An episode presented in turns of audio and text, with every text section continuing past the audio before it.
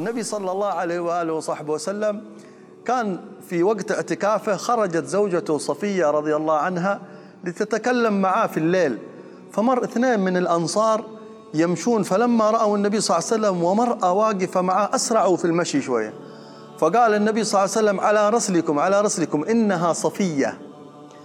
قالوا يا رسول الله سبحان الله يعني ما نحن ما نشك فيك يا رسول الله من يشك فيك؟ أنت الرسول. قال النبي صلى الله عليه وسلم كلمة مهمة جدا.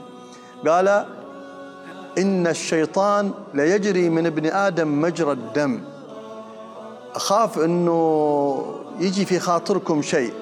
هذه القصة فيها مسائل مهمة جدا نتعلمها من الحبيب صلى الله عليه وسلم. الأول إنه سوء الظن واقع عند الناس. ينبغي الإنسان ينتبه إنه الشيطان ينزغ في الإنسان. الإنسان يشوف مثلا مرأة واقفة مع رجال يقول آه هذا ليش يسوي واحد طريقة شعره طريقة ملابسه يقول هذا إنسان فيه وفيه. آه إنسان مثلا تشوفه في موقع معين تظن أنه هو من أهل هذا المكان وكان هو أصلا في في شغلة تختلف. هذه مسألة مهمة ينبغي الإنسان ينتبه أن الشيطان دائما يدخل على الإنسان في الوسوسة في سوء الظن. ثاني شيء أنه النبي صلى الله عليه وسلم كذلك مهتم أنه الإنسان لا يوقع نفسه في محل محال سوء الظن. يخلي إنسان عنده شفافية. الغموض في الحياة والتستر والتخبي قد يكون كذلك أحيانا يسبب مشكلة. النبي صلى الله عليه وسلم قال عادي إنها صفية. قال اسم زوجته قدام الصحابة وبين لهم حتى لا الواحد منهم سبحان الله يجي في باله شيء ثاني. سوء الظن مرض خطير في الإنسان.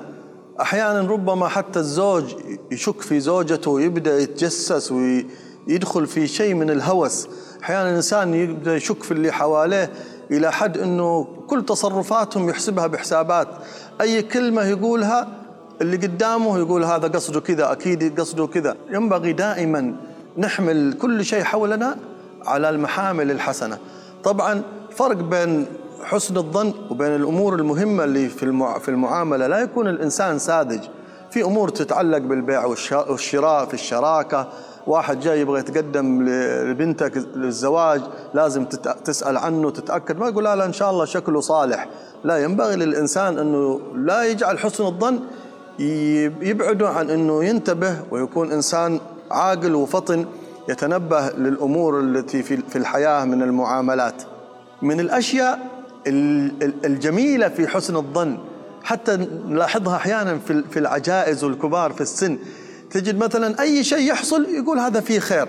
مثلا انكسر زجاج يقول فيه خير إن شاء الله انكسر الشر. حصل مثلا حادث سيارة يقول فيها خير إن شاء الله. في مثلا صفقة خسرت موعد طيارة تأخر ألغي. لا الإنسان يكتئب مباشرة ويتضايق. يقول لا فيها خير. ربنا صرف عني الشر.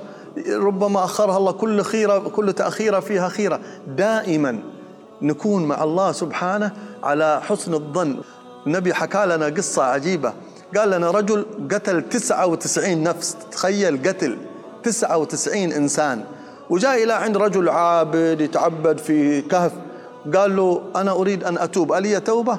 قال له لا لا ما لك توبة. هذا سوء ظن في الله. فقتله كمل مية عشان يكون رقم المية رقم جميل هكذا أبو ثلاثة خانات. فالنبي صلى الله عليه وسلم قال ثم ذهب إلى رجل عالم فقال إني قتلت مئة نفس فهل لي من توبة؟ قال له ومن يغلق دونك باب التوبة؟ باب التوبة مفتوح. لكن أنت في هذه البلاد التي أنت فيها فيها أناس سيئين اخرج منها إلى تلك البلدة فإن بها أناس صالحين. ف هاجر الرجل أول ما خرج من بلده جاء الموت وتوفي فاختصمت قال النبي فيه ملائكة العذاب وملائكة الرحمة. كل واحد يقول هذا تبعنا. الرجل ما عمل خير أبدا لسه اليوم تاب ومات ما عمل ولا شيء. لا صلى لا صام لا عمل ولا شيء من الخيرات. لكن الظن في الله جميل. أنا عند ظن عبدي بي فليظن بي ما شاء. فالله سبحانه وتعالى قال لهم قيسوا مسافة الأرض. هل هو أقرب إلى أرض الصالحين أو إلى أرض السيئين؟ فكان هو أقرب إلى أرض السيئين. فأوحى الله إلى الأرض لهذه أن تقربي ولهذه أن تباعدي. فوجد أنه أقرب بشبر واحد إلى أرض الصالحين. فرحمه الله سبحانه وتعالى. حسن الظن في الله ما له سقف ولا له نهاية لأنه تعامل مع الله. الله يقول لنا أنا عند ظن عبدي بي فليظن بي ما شاء. ظن في ربك كل خير. تفائل في معاملتك مع الله. إن الله سبحانه وتعالى سيدخلك الجنة. الفردوس الأعلى سيجعلك مع حبيبه صلى الله عليه وآله وصحبه وسلم.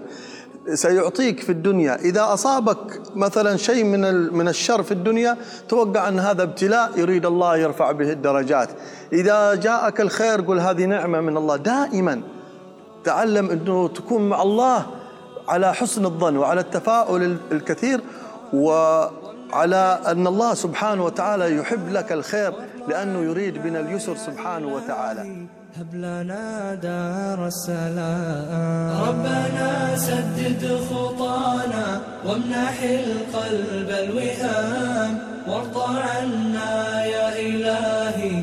هب لنا دار السلام. وارض عنا يا إلهي. هب لنا دار السلام ربنا رب كريم أنزل الحق المبين. جنة الخلد ثوابا عدها للمحسنين. بدعاء وخضوع ورجاء ويقين. اجعل الخير سبيلا. ربنا أنت المعين.